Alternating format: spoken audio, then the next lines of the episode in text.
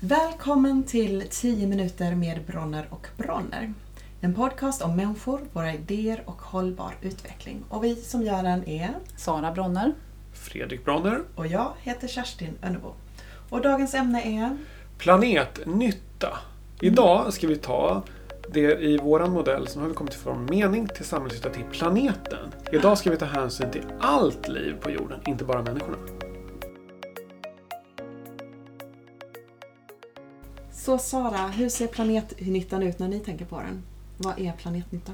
Planetnytta för oss det innebär att man utvecklar idéer som är, skapar ett gott liv för allt som lever på jorden. Eh, och både idag och i framtiden. Eh, och att vi gör det inom planetens ekologiska gränser.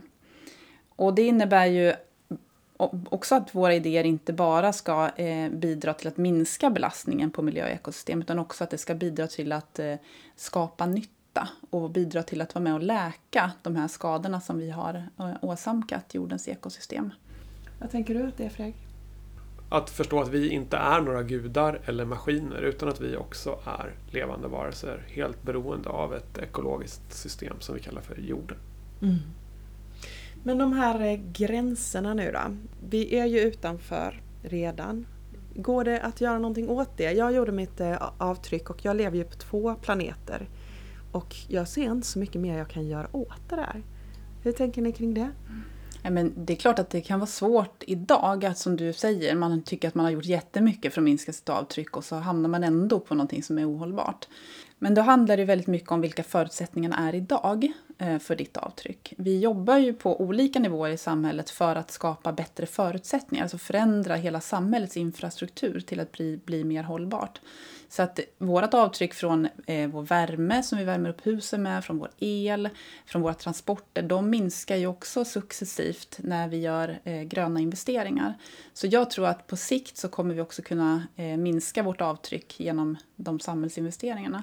Men sen är det ju så också att vi har ju eh, mycket av det vi gör idag grundar sig på värderingar om vad som är ett gott liv.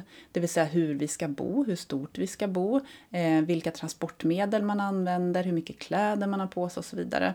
Eh, så att jag tror också att i takt med att, att vi får en, en förändring i våra värderingar kring hur vi ska leva så kommer vi också kunna minska vårt avtryck. Så jag tänker att man får se det på lite sikt också och tänka att ja, men så här är det idag. Jag fortsätter göra det som jag tycker känns bra. Men det kommer också förhoppningsvis att bli lättare att leva mer hållbart i framtiden. Hur tänker du på det? Systemnivån? Jag har väldigt svårt för systemnivån. Så jag tänker, ja, men jag tror att mitt sätt att påverka systemet får vara genom att eh, ställa krav på andra, leta efter andra saker. Alltså aktivt försöka hitta de lösningarna som jag kan göra i mitt liv. Jag kan tjata ihjäl mig ett helt liv om vad andra borde göra. Men det hjälper ju inte, utan det är ju vad jag gör som jag kan påverka. Så det försöker jag göra tror jag. Ja. Men om man ska starta ett företag som ni jobbar mycket med företagare, varför ska man tänka på planetnyttan redan då? Alltså det är ju jätteviktigt eftersom vi överskrider de planetära gränserna som du pratade om. Fyra av nio ekologiska processer är vi långt utanför det säkra handlingsutrymmet. Så har ju vi också en enorm utmaning i att bara ställa om alla de affärsidéer och företag som redan finns ute på marknaden som har stora ekologiska avtryck. Det är en, en jätteutmaning. Och då tänker vi att då är det ju fullständigt orimligt om vi då fortsätter att fylla på med nya ohållbara affärsidéer med stora klimatavtryck. Så att då gäller det som, som företagare att man är medveten om vilken, vilket avtryck ens idé har. Men om vi ska försöka bli lite konkreta nu. Om man eh, sitter och jobbar med idéutveckling eller bygga sitt företag. Vad kan man då göra för att göra planetnytta? Mm. Alltså det beror ju väldigt mycket på vilken idé du har såklart. Det är ju väldigt stor skillnad. Om du är till exempel livsmedelsproducent, bonde, grönsaksodlare eller någonting, då kan du ju fundera på om du kan utveckla ditt jordbruk, ditt sätt att bruka jorden så att det binder kol istället för släpper ut kol. Och det vet vi att vår matproduktion är en stor del av vårt avtryck, så kan man ställa om den sektorn till att verkligen binda kol, då har vi gjort jättemycket. Men sen är det klart, om man producerar tjänster så kan man fundera på hur reser man? Helt fossilfritt. När man eh, köper mat och dryck in i, i sin verksamhet, är den ekologisk, är den närproducerad?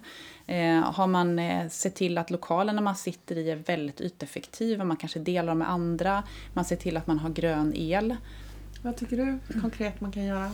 Nej, men jag tror att om man, om man ser sig själv som en aktör i det samhälle man är en del av, då kommer man ju inse att det är dumt att förstöra det. Och även då det som är utanför oss människor, det vill säga naturen vi behöver ha. Så jag tror, tänk lokalt ganska mycket. Och när du gör det, ställ också krav på andra och påverka andra. Slicka upp att sparka neråt finns det ett gammalt uttryck som heter. Vi vänder på det och säger så här, var snäll neråt. Lär människor att ja, men min, eh, min produkt här är lite dyrare. Det är därför att den, inte håller, den innehåller inget gift. Eller den är bara bra för dig. Det finns ingenting dåligt med den. Inget barn har byggt den här leksaken eller whatever. Och det är jättebra. Och ställ krav uppåt då till dem. Som du handlar av. Men jag tänker inte köpa. Eh, jag ska beställa en bok. Jag ska göra en bok. Men jag köper den av ett lokalt tryckeri. Istället för att vara girig och köpa den någonstans långt bort. För att det blir billigare. För att det är några underbetalda arbetare som trycker boken. Liksom.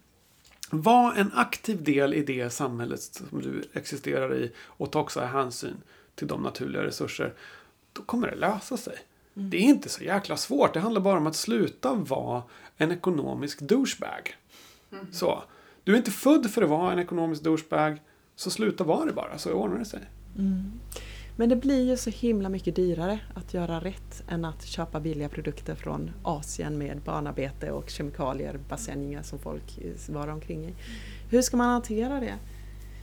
Ja, det är ju, det är ju så, sånt djupt eh, fe, en felkonstruktion i vår eh, våran marknad idag. Just det här som du säger att de billiga produkterna eh, har ju ofta ett väldigt stort ekologiskt avtryck för de behöver inte bära sina kostnader. De kostnaderna uppstår ju men någon annanstans.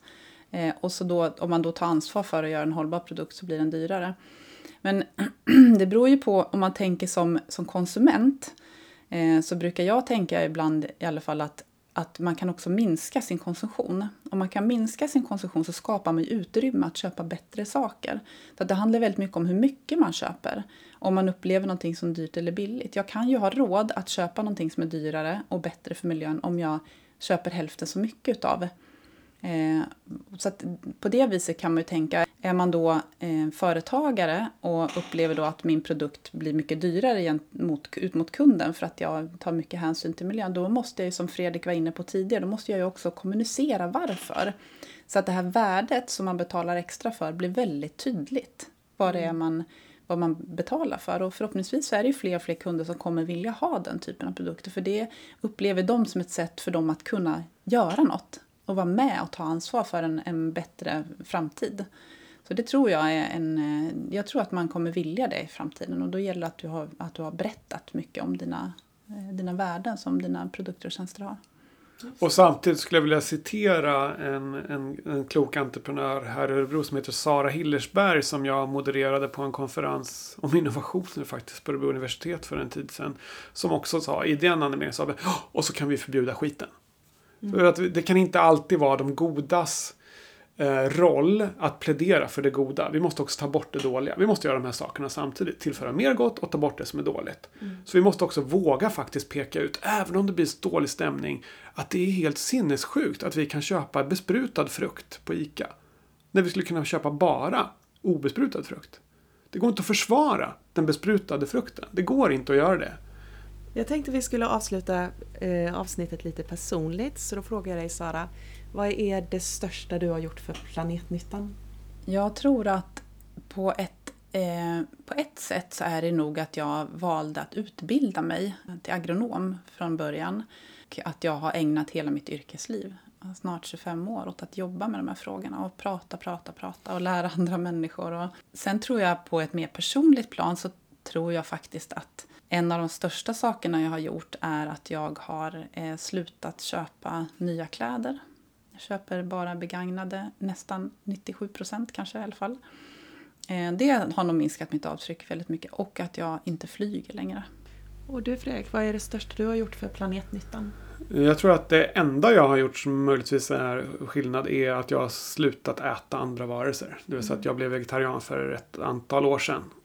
Och det har ju faktiskt de facto på något vis bidragit till att i alla fall jag inte har bidragit till massa mm. utrotande av andra djur. Mm. Under de åren i alla fall. Men jag har några år på mig att eh, göra bot för det också eftersom jag åt kött i typ 40 år. Ja. Men tusen tack för idag. Ja. Mm, tack.